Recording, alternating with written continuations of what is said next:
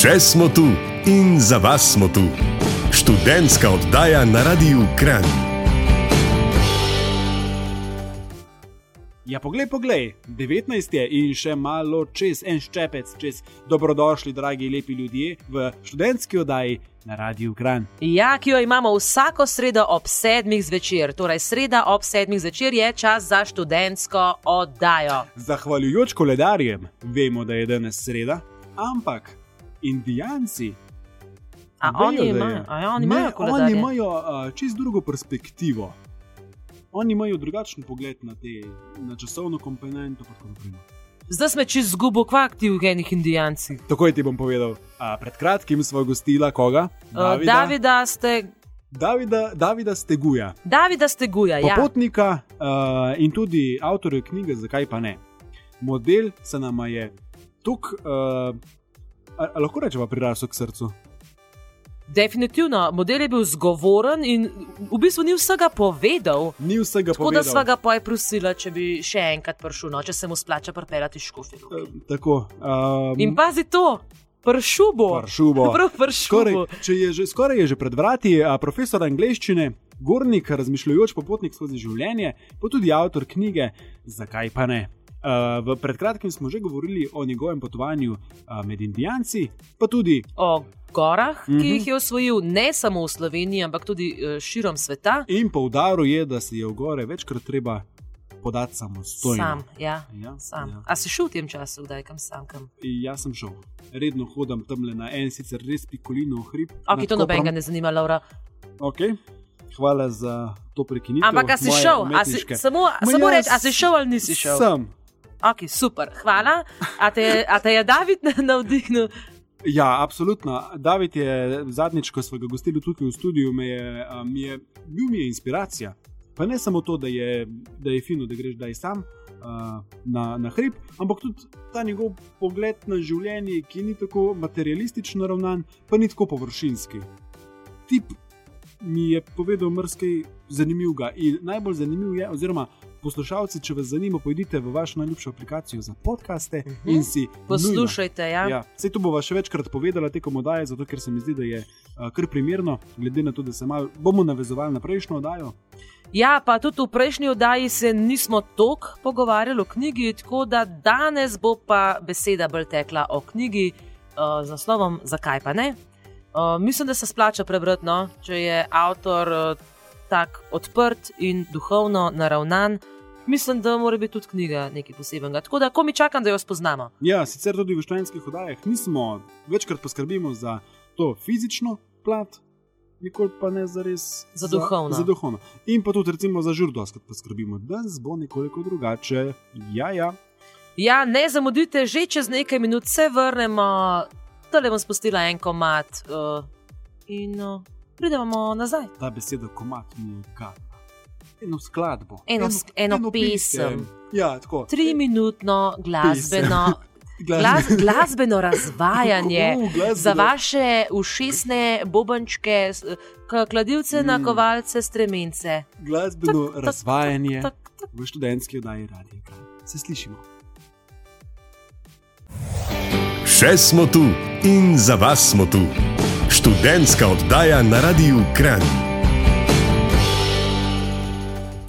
Dober večer, lepi ljudje, dobrodošli v še eni študentski oddaji na Radiu Kran, ki jo pripravljamo v klubu študentov Kran. Lorenz HB in Anja Starebova z vami, bomo z vami do 20 ure, z nami pa spet uh, gost, ki nas je očaral že pred kratkim, popotnik David Stegu, tudi profesor angleščine, gornik, razmišljujoč popotnik skozi življenje, pa tudi avtor knjige Zakaj pa ne. Uh, pred kratkim smo, smo v študentski oddaji, uh, kot sem že povedal, ga gostili in povedal je več o svojih izkušnjah v gorah, pa to ne v naših ulicah, pač pa o tistih višjih in tistih z globim pomenom. Povedal je tudi več o svoji izkušnji z Indijanci. Če bi ga radi poslušali, pojdite v vašo najljubšo aplikacijo za podkaste in najdite študentsko oddajo Radia Kran. Verjemite, splača se ga poslušati. Uh, David, uh, se rad poslušaš? Ja, ponavadi povem, eh, ponavadi sem zadovoljen s povedanjem, tako da eh, Gre skozi. Gre, gre. gre. Mnogi sitnarijo, pravijo, da se ne morejo poslušati. A ja, ne, mislim, da okolikor so eh, nekako zgodbe, izkušnje tako zanimive, no potem uh, že te zgodbe, te ljudje, narava, kot si prej omenil, poskrbijo za to, da so te spoznanja, ideje, modrosti vredne poslušanja. Tako da jaz jih z veseljem posredujem naprej. Ja, cenjeno poslušalstvo, nujno pojdite poslušati prejšnjo oddajo, saj, povedal, saj si povedal, David, mnogo o tvojih izkušnjah v gorah, med drugim tudi kako je spati nad 4000 metri, pa tudi uh, kaj so te uh, indijanci naučili. In mnogo drugih zanimivosti. Danes pa bomo spoznali še bolj podrobno tvojo knjigo, naslov, naslovil si jo Zakaj pa ne. David Stegu, zakaj pa ne? Zakaj tak naslov? Ja, naslov je kar nekako se je pojavil. Zdaj, ideja za knjigo se je sem in tja imala tako že tlila no, ob kakšnih, kakšnih obiskih gora, kakšnih bolj odmaknjenih predeljih, manj znanih, uh, kjer je, bom rekel, narava izredno pristna, to ne govori in potem nekako počasi je ta ideja dozorevala, bolj intenzivno no, pa je uh, nekako ta lučka navdiha se prižgala, ko smo bili pred um, torej, letom 2019 na odpravi na Piklin in, in takrat je tudi med temi aklimatizacijskimi usponi kar nekaj časa, ki jih preživiš v šotorih, ko se v bistvu fokusiraš samo na uspon in je v bistvu glava ne, neobremenjena. In ja, se porodijo različne ideje, zanimive. Uh, posebna spodbuda, no, pa moram povedati, uh, zato da sem knjigo potem tudi začel pisati in pa da sem jo tudi končal. Uh, pa je bila še posebej prisotna v zadnjem obdobju, no, ki se mi zdi, oziroma za katerega sem pripričan, da je še posebej za mlade izredno težko. Uh, tukaj, seveda, dopuščam v aktualni tematiki različna mnenja, ampak po črto potegnemo, no, da si predstavljam, uh, kdorkoli izmed nas si predstavlja bom rekel, našo srednjo šolo v teh uh, pogojih, ampak ali pa tudi recimo za študente, ne, to je, je, je težko. In uh, idrijski šolari, ki je knjiga posvečena, so bili vse čas nek močan navdih, tudi ko jim imamo nekaj dopustila. Naslov kot tak pa se mi, se mi je zdel simpatičen zaradi tega, ker je uh, po eni strani ja, izredno preprost, uh, po drugi strani pa omogoča vsakemu bralcu, ki, ki knjigo pač vzame v roke, da nekako na svoj način potuje skozi te postoločnje, ki se jih sam ne more doživeti, in uh, na svoj način tudi išče odgovore na svoje, zakaj pa ne. In ti odgovori, kako jih bralec najde. Ko jih najde, ne, če jih najde, sem pripričan, da če del časa išče, pa potem ne samo zaradi knjige, ampak tudi v vsakdanjem življenju, lahko pomeni odgovor najde. In če lahko knjiga nekaj spodbudi, razmislek o kakšni taki motivaciji za iskanje pomembnih odgovorov, tem zelo mislim. Torej je knjiga namenjena za osebnostno rast. Ja, ja seveda. In tukaj, uh -huh. uh, prej sem pretežno omenjal mlade. Ne, uh, in mlade po srcu, da se razumemo. Seveda. um, prepotoval si um, Himalajo, šel si v Ameriko, ampak naslovnica je pa slovenska. Ja, seveda. Ja. Uh, ja, potovanje je bilo kar nekaj, um, tukaj moram reči, prvi potovati Himalajo. Ja, en delček ja. sem. En delček sem. Uh, ja, naslovnica je slovenska, ker um, se mi zdi pomembno, tudi po vseh doživetjih, ki sem jih imel možnost um, torej, pridobiti, da nikoli ne pozabimo na svoj, na svoj izvor. Um, je pa tudi naslovnica na nek način. Um, ni prav sugestivno, no, ker vemo, da imamo en kup lepih uh, in tudi znanih, seveda, točk, ki jih radi pokažemo turistom in ne prav da jim. Ampak načrtno je naslovnica podobno kot naslov, zakaj pa ne, malo skrivnostna. Menim namreč, da bodo samo tisti, ki res, res redno zahajajo v gore, spoznali, v katerem predelu se v naslovnici pač nahajamo. Uh, ampak ja, tudi naslovnica kot taka, ta slika naslovna, um, skoraj nekako se da povzema tudi zgodbo, bom zdaj rečel vsebini, seveda, in pa zopet dopušča to, da vsak, um, nekako vsi utira svojo pot skozi življenje. za katero ponavadi, če se držimo samo tistih nekako bolj priznanih ali pa nekih stalnih okvirjev, ni nujno, da nas bo izpolnilo, oziroma ni nujno, da bomo mi izpolnili svoje poslanstvo, ker v bistvu na ta način lahko kopiramo. Ali pa delamo tisto, kar je popularno, kar je trendovsko, uh, ker pa ponavadi ni tisto. Mogoče bo malo mal klišejski, treba je slediti svojim sanjam. To je že v redu, slediti sanjam, slediti sanjam in potem seveda pogumno se odpraviti v življenje in delati. Um, pojdite na Facebook stran Kluba študentov Ukran in tam si lahko pogledate, o kateri naslovnici govoriva. David Steguje danes uh, najn gost in cenjeno poslušalstvo Radia Kran, naj bo dovolj za vod. Gremo na štikal ali pa dva, potem pa se z Anjo stare ponovno vrneva. Ostanite z nami. Še smo tu in za vas smo tu. Študentska oddaja na Radiu Kran. Dobrodošli nazaj v današnji študentski radijski oddaji, kjer z Lorencom Habetom odkrivava knjigo z naslovom Zakaj pa ne, avtorja Davida Stegu, ki je danes z nama tukaj v studiu. Uh, knjiga, ki jo držimo v rokah, je um, išla v samozaložbi. David, kako to, da si se odločil za tak korak? Ja, iz eh, torej nekaj razlogov. Zdaj prvi, um, ker si si želel res, da je to knjiga, ki jo ki popolnoma odraža to, kar hočem jaz sporočiti bralcem, brez kakršnih koli popravkov, ki bi jih. Uh, pač druge založbe predlagale, ali pa tudi morda celo zahtevale no, za, eh, kot pogoj za izdajo. Mm, zdelo se mi je zelo pomembno, no, da res odraža tisto, kar sem sam doživel. Knjiga kot taka, in nisem dal predanje, da pač ne pisem na branje nikomor, ker se mi je zdelo, da je treba ohraniti to neko timo no, pisanja.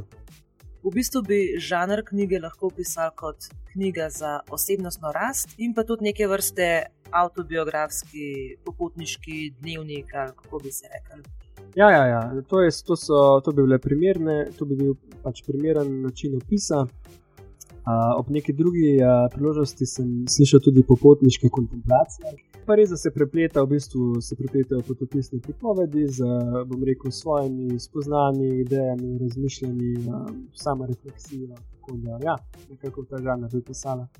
Knjiga je posvečena idrijskim šolarjem. Pa me zanima, kakšno povezavo pa imaš ti, glede na to, da prihajaš iz okolice Škofe Luke, kakšno imaš povezavo z Idrici? Ja, um, močno. No. Jaz bom rekel, uh, v Idri sem uh, kar nekaj časa no, uh, počival torej angliščino in to seveda, ampak mene je posebej navdušilo vse to, kar so počeli izven tako imenovanega kurikuluma, vse ostale dejavnosti, ki smo se jih lotili. Um, če naštejem, morda dve najbolj taki zanimivi. No, um, v Idrijo sem, oziroma smo na skupaj z šolarji, Eh, pripeljali uh, šport, ki je gorencem zelo pri srcu, torej hokej. Uh, v Idri, že zaradi pač same, samega kraja, kjer dobiš zelo malo priložnosti, da lahko rolaš del časa, preden nastopi prvi klanec. Uh, jih je zelo malo rolalo, kaj še ne igramo hokej. In potem smo s temi idrijskimi šolarji, ki so tem knjiga posvečena na neki točki ugotovili, da pa se lahko lotimo tudi organizacije takega hokejskega dela. In to je bilo krasno takrat, uh, ko smo se lotili. Um, tako da, ja, skozi šport. Poleg tega pa še na bolj, bom rekel, še, še mogoče na širšem področju, pa preko dejavnosti snemanja. Uh, mi smo uh, torej leta 2019, februarja, posneli en tak kratek film, za katerega me vedno več ljudi pravi, da je bil ideološki, gre se moderni tehnologiji. Smo delali tudi že v dneh, da smo govorili. Da se mogoče lahko ponoviva, kako, kje lahko se poslušalci gledajo. Ja, seveda. Um, generacija Z ne ali A.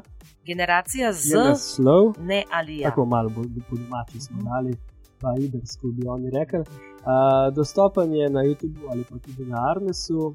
In ja, kot rečeno, veliko ljudi um, mi zagotavlja, da je film preroški. In osebno mislim, da res izpostavlja neke dileme, ki so pomembne zdaj in bodo še bolj pomembne v šolstvu. No, potem, kasneje smo se polotili še enega daljšega filma, kjer so v bistvu nekako prepletali prijateljstvo, znanje, naravo, vse te tematike, tako osnovne lepe in potem to povezali v konkretno daljši film. Predvsem je pa navdušil to, kako so v bistvu tudi takrat nas podpirali starši, celo policija, gasilci. Tako da v Idri me navdušil mrskeje. Bom rekel, ja, ta povezanost in pa predvsem. Uh, motivacija, ustvarjalnost, zagnanost, uh, ustrajnost teh šolarjev, ki so, po mojem mnenju, lahko res zgled za, za vsakogar. Um, tam je, tam res ta delavnost, uh, nekaj veljano. rekel, uh, gre za kraj, ki je mal, malce bolj odmaknjen od drugih krajev, ampak ravno zaradi tega je obdržal še neke vrline, neke vrednote, ki so morda v večjih krajih ali pa mogoče ne v večjih kotlinah, ker je fluidnost neprimerno večja. Um, se je to kar nekako malo že izgubilo. Uh, tako da, kljub temu, da mogoče mnogi ljudje pomislijo, da je ja, tam za hribi, ampak v Lukan, jaz se tudi sami to reče, pa jih jaz pol popravim, da nimajo čez prosto veliko, imajo več skromni. No, ampak imajo marsikaj za ponuditi. No, in, in to vse me je izredno obogatilo in uh, ja, zato je seveda posvečeno njim. No, zdaj smo se tudi v bistvu malo dotaknili te tvoje pedagoške plati, si namreč tudi uh, učitelj, profesor v bistvu angliščine. Um, kakšna bi bila tvoja sanska učna ura, verjetno mhm. nekje v naravi? Ja, ja, ja bi, bi probal naravo, seveda, zraven uh, upet, uh, ker se mi zdi, da premalo izkoriščamo in tu kakšne zaklade premore naše Slovenije. Uh, in pa predvsem glede na to, da pač uh, velika večina šol, no razen če nismo strogo v središču Ljubljana, ampak velika večina šol uh, ima skoraj v neposrednji bližini, zdaj seveda Idrija je tukaj nekaj bolj izstopa, ker tam je res dobro, da se blizu greš lahko v Dovino, kosmetinci so vse posod, če tako rečem, te tarjavi. Ampak eh, tudi poprečni slovenski kraj ima. Tak, mislim, more, prvi gost, ki še ne hrib, mislim, tu imamo vsak kraj, ima sigurno neko tako možnost, kjer bi se dalo več uh, pouka izvesti v naravi. Um, seveda, skrbno nadzorovati potek, ampak na tak način učencem omogočiti neko, neko dodatno dimenzijo pristnosti, ki smo jo malo izgubili, ker pretirano, pretirano stavimo samo na tehnologijo, pa na te in druge preobrazbe, digitalne in tako naprej. Ampak preobrazba, v bistvu imamo pa že tako tak velik zaklad bogatstva, samo če stopimo ven in si upamo narediti par korakov do bližnjega gozda ali hriba. Uh, dodal bi še tukaj zraven uh, še morda to misel, no, da bi pripletel seveda tudi um, skupinsko delo in pa predvsem, da bi um, učencem ali pač dijakom dal uh, torej delo, ki je neki ziv za njih. Ne. Mo, moja izkušnja je taka, da prevečkrat podcenjujemo mlade. In damo potem nekaj uh, za rešiti, ko pa že sami vejo, da, da je pač to nekaj, kar so zmožni rešiti, ker jim ni izziv, potem se pač rodi nek odpor in je tisto sam zato, da je. Kar je pa škoda, da potem v bistvu te učne ure imamo malo. Imajo malo tako učenci ali pa dijaki, kot pa tudi učitelj ali profesor. Je pa v bistvu bi moralo biti izobraževanje bolj to, da se kot učitelj ali pa profesor usmerjaš, spodbujaš, oni pa se odzivajo in konec koncev lahko tudi tebi, da imaš nekaj razpodbude tebi kot učitelju, profesorju in skozi svoje projekte, ki jih dobro naredijo, tudi odraslim, potrkajo vsem pa kaj malo navest. Ali je to mogoče tudi razlog, da si se odločil za ta poklic? Uh, ja, sigurno. Učiteljski poklic sam vidim kot uh, skoraj kot neke vrste umetnost. No? Uh, zato se mi zelo ne dopade ta način, ko je treba vse pač dokumentirati, nekaj red, mora seveda biti, ampak ne pa da tretiramo, sploh ne vem, v zadnjem času učence kot neke proizvode v neki. Podjetju, ne, ki so pač predvidljivi, glede na gibanje, na trgu cen in tako naprej. Učenci so nepredvidljivi, dijaki. Je, pa recimo, da jih je 20-30 razredov, vsak je poseben, vsak ima eno lahko slabši dan in tako naprej. Skratka, um, ta, ja, rekel, ta izziv, ne, ker to je skozi mečkan si izven cone obdobja. Ne veš, točno kako, bo se, kako se bojo vse stvari šle, zato to me je vedno tako uh, privlačilo. In pa uh, ni pa bilo od nekdaj v bistvu to prisotno, ta rekel, uh, ideja, ampak se je s časom razvila in nikoli ne veš, ne, kako bo nekaj, kar je dobro izpeljano. Uh, se multipliciralo na nek pozitiven način v prihodnosti, ne veš pa tudi obratno. Ne? Če ti nabiš kiks ali pa še kaj drugega, potem se to ima tudi svoje posledice. Tako da, ja, je sem in tja prisoten, kar kakšen, kar malo adrenalina. In če se učenci ali podjaki zavedajo, ampak veliko krat je. Ker velika trema tudi na strani učitelja pa profesorja, koliko je res prisotna tista želja, da se zgodi nekaj lepega. Ja, David, naš današnji gost se očitno rad spoprijema z izzivi, tako v svoji službi, kot tudi v gorah in na svojih potovanjih. Poleg vsega pa je David Stegu tudi avtor knjige z naslovom Zakaj pa ne, o kateri bomo govorili tudi po naslednjem komadu. Ostanite z nami. Še smo tu in za vas smo tu. Študentska oddaja na Radiu Kran. Dober večer, lepi ljudje, dobrodošli v študentski oddaji. Anja in Lorenz vam delava družbo do 20 ure, z nami pa David Stegu, popotnik, avtor uh, knjige. Zakaj pa ne? Uh, gostili smo ga že v prejšnji, oziroma pred, uh, v preteklih oddajah, ko je govoril o Indijancih, pa o uh, potovanju oziroma prehojeni poti pod Himalajo, oziroma uh, na tistih poteh, kjer se gorenci najbrž ne bi preveč potikali. Ali bi se, kakšne izkušnje imaš, David? A si srečal kakšne slovence gor? Ja, mi smo bili ekipa slovencev, tam imam drugač to, to seveda manjša ekipa. Ja, ja. Uh, no, je, drži pa seveda, da slovenci smo glede na to, kakšen majhen narod smo, pa smo v luči gorništva, alpinizma, velik narod. Mm -hmm. Sicer pa gorenci seveda, ker ne hodite nikoli tako da. Seveda, seveda. Srečen ostalih. Ja. Tako, um, in v uvodu tvoje knjige lahko preberemo naslednji zapis dragi mladi in vsi mladi po srcu. Vsako življenje je polno preizkušenj. Lahko jim rečemo težave in od njih bežimo, ali pa jih poimenujemo izzivi ter se z njimi soočamo. Je pa tako, da se nam največkrat zdijo ovire prevelike, ko se soočamo z neznanim. Po svoje pa ravno neznano, kadar je pristno, utegne ponuditi bogate odgovore na marsikatero vprašanje, ter naše vedenje dopolniti na način, da gremo bolje opremljeni lahko naprej. V naslednjih poglavjih se bomo sprehodili skozi domače vasi, hribe in gore, obiskali kraje pod najvišjimi vrhovi sveta, raziskovali neimenovane predele ameriškega divjega zahoda, se načudili veselju enim od najbolj revnih prebivalcev Zemlje, odjezdili z Indijanci na občudovanje vredno popotovanje ter izvedeli za srčnost, pogum in odločnost mladih, s katerim sem imel možnost sodelovati na moji dosedanji poklicni poti. Ta sprehod bo mestoma kar težak, ampak želim, da vam je viziv in sem prepričan, da ste mu lahko kos. Vabim vas k branju in vam iskreno želim, da bi se znali dvigniti iz doline megle in zasijati v pristni jesnini. David Stegu sliši se enostavno, ampak najbrž ni ne. No, ne, ni. Ja. ni, ni um, kot sem že tudi zapisal na tem uh, sklopu tega zapisa, na hrbtni strani, ne sicer v vodu, ampak na hrbtni strani ja. knjige. Tako, tako. Uh, ja, ja, sprehod, uh, ne gre za sprehod, življenje je, je borba.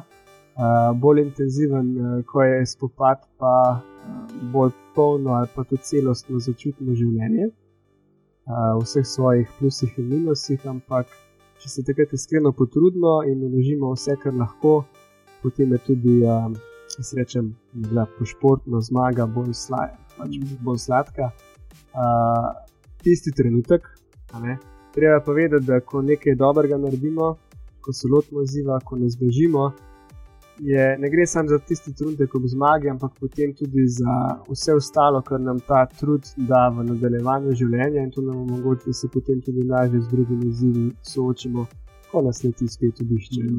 Ja, en intermezzo, konec eh, januarja smo. Uh, praznovali je fulgarda beseda, smo obeležili svetovni dan holokausta. In uh, bil je en pogovor z enim, ki je preživel ta holokaust, holokaust in je rekel, da je srečen, da je bil v holokaustu. In tak je bil tudi naslov članka. In pol je, kaj, kaj za vraga se dogaja, kako sem lahko srečen. In je na, v nadaljevanju razložil, da je ravno holokaust bil najtežja zadeva v njegovem življenju. In vse, kar koli mu je prišlo pod noge, ni bilo niti približno uh, tako težko, kot je bila ta njegova izkušnja. In ravno o tem tudi ti govoriš v knjigi. Ja, ja, sigurno na nek način se s tem gospodom stri, lahko strinjam. Uh, ne pa čisto popolnoma, ne, ker holokaust vemo, da to je bilo seveda izredna tragedija, velika in um, nekaj, kar je uh, povzročil človek uh, drugemu človeku, oziroma žal veliki množici. Uh, tako da jaz uh, strinjam se do te mere, da seveda globoke izkušnje te zaznamujejo, ti dajo moč, ampak um, ne strinjam se pa s tem, da morajo biti, da nujno rabimo imeti neke stvari, ki jih kot ljudje zagrešimo, ne, da dobimo močne izkušnje. Mm. Uh, v knjigi kot taki sem in tja tudi opišem, no, kakšen tak, tako preteklost, predvsem v. Bom rekel, dogodek iz preteklosti, predvsem v poglavju o Indijancih, ampak um, nekako generalno, celostno gledano, pa uh, so izzivi prihajali kako bolj iz neutralnega terena, če tako rečem, iz, iz življenja kot takega, ki nam skozi naravo, skozi vse dimenzije ljudi, um, Boga, duhovno, kakorkoli. Um, bom rekel, da je neke izzive, ki so tukaj in je od nas odvisno, kako se, bom rekel, z njimi soočimo. Mm -hmm.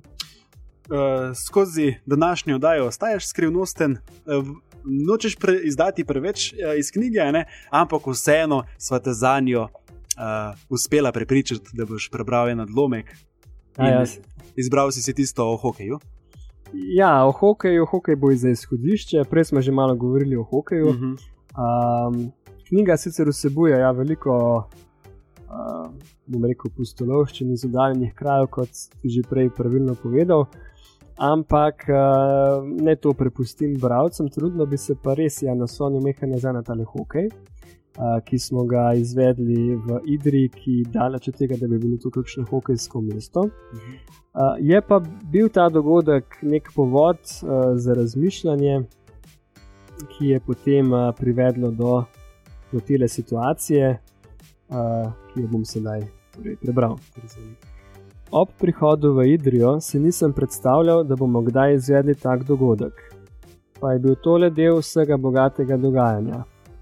Prav je, da ob tem opozorim, kakšno škodo si delamo Slovenci, ko venomer težimo k temu, da bi bila služba praktično za ovinkom. Seveda ne mislim spodbujati tega, da se službo vozimo v res oddaljene kraje, ampak roko na srce, pogosto je že več kot pol urna vožnja na delo označena kot nenavadna in nas prekliče tisti znani slovenski, ali bolje rečeno slovenski, a se sploh splača. No, veliko krat ne vemo, kaj vse zamujamo, če zapademo v to vrstne razmišljanja. Takoj se nam zdi odveč predaleč nesmiselno.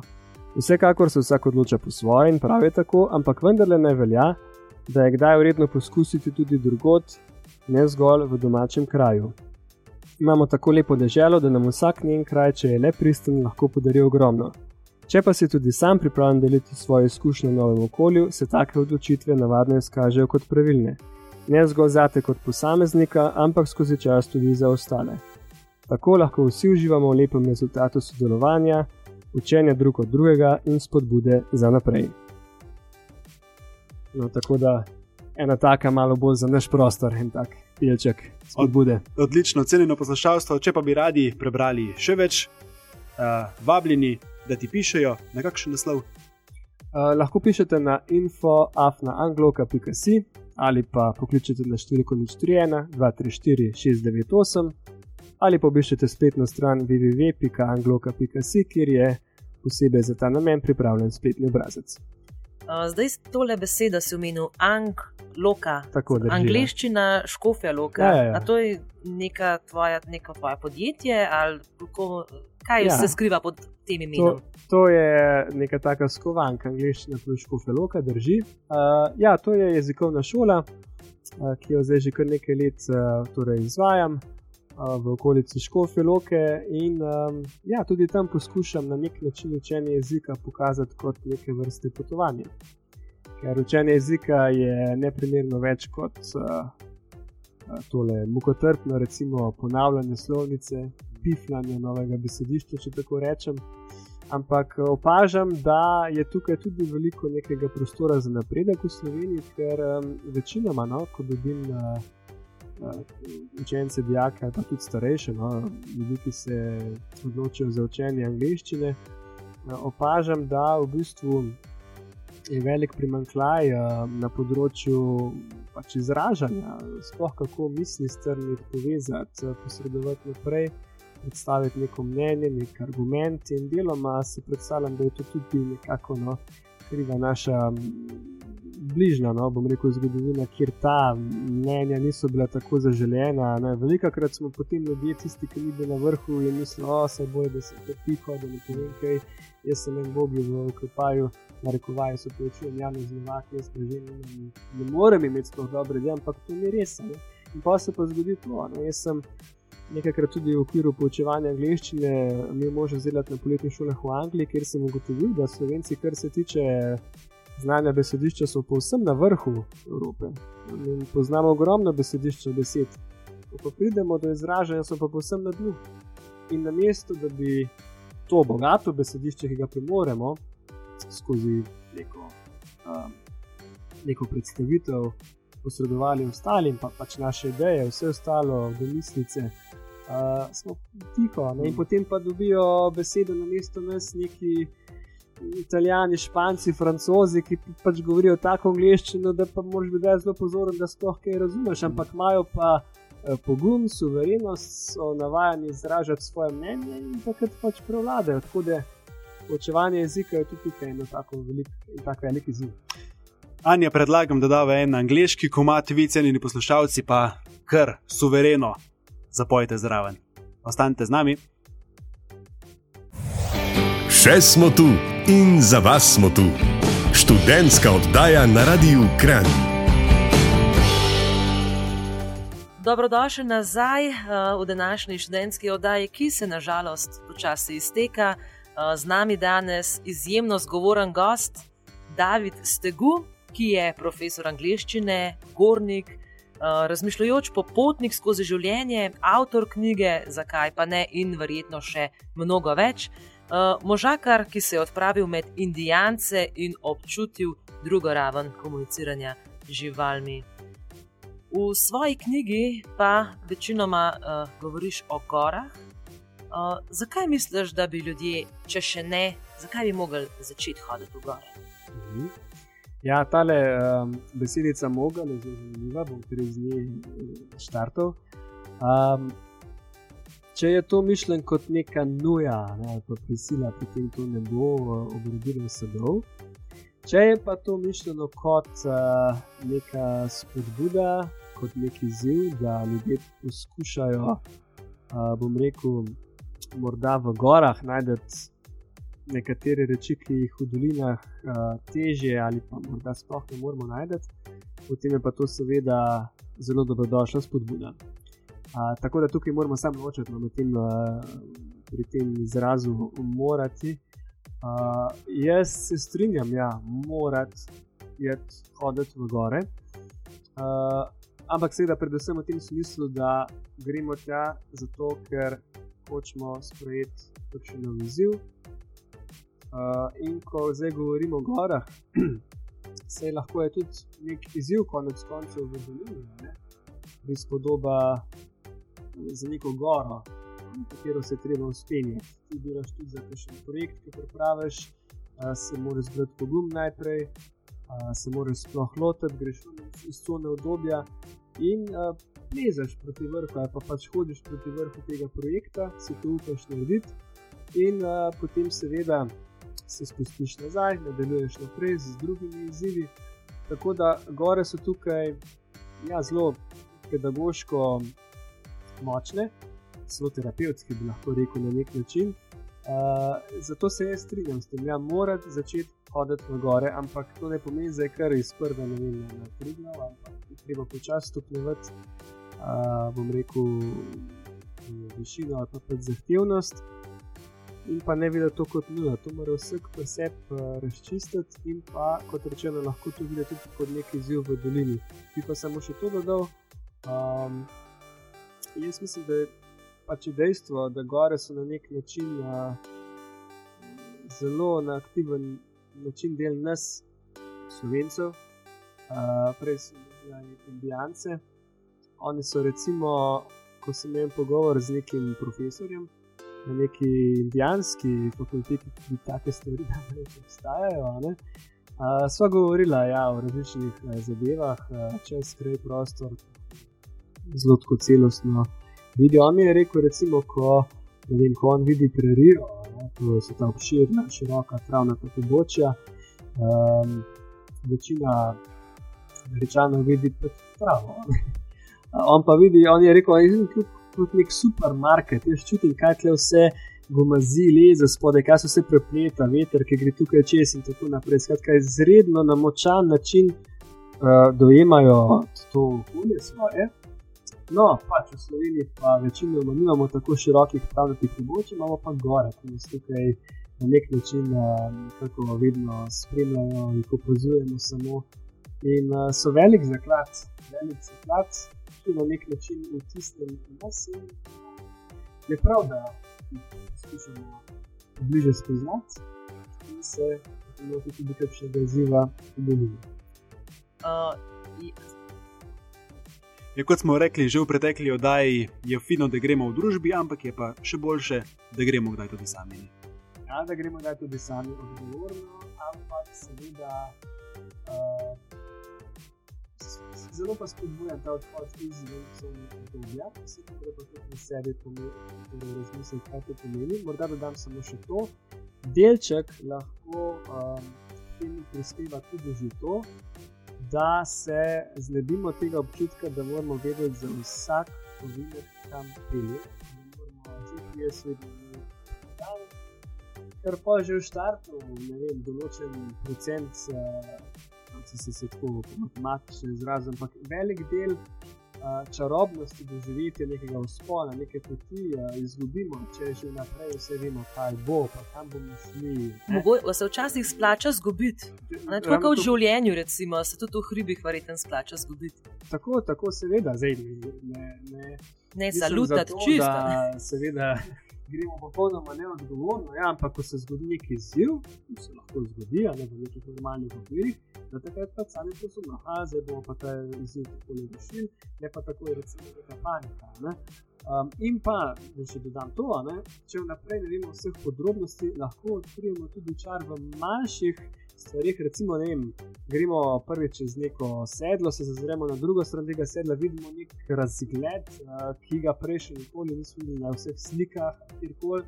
In to na nas naredi popolnoma drugi opis. Uh, nam polepša dogodivščino, pa ni nujno, da gremo na vrh tri glave. No, torej, osvajanje gora v bistvu primerjaš z življenjem, z tem, kako živim, s prispodobo življenja kako se spopadamo s težavami. Uh, ja, pač ne gre, mislim, bom rekel tako. Presega marsikatero oviro, ki se nam v dolini pojavi, uh, pa jo takrat, če pač ne znamo v tisti omejenosti razrešiti, ker smo imeli pač nekaj vrtincev, nekaj omejitev, uh, konstantno nekaj držav, številk, ki nam preusmerjajo fokus, ki nam lahko pomaga do rešitve tega problema, da zmestiš misli in potem tudi lažje uh, prideš do pravilne rešitve. Tako da, ja, gore je zelo pedagoško, kot se reče, tudi terapevtsko, da lahko um, bolje funkcioniramo.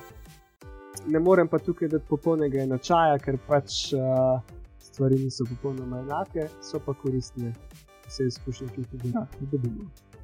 Uh, kakšen nasvet pa bi ti zdaj s tem tvojim znanjem dal sam sebi, ko si bil še srednješolec oziroma dijak?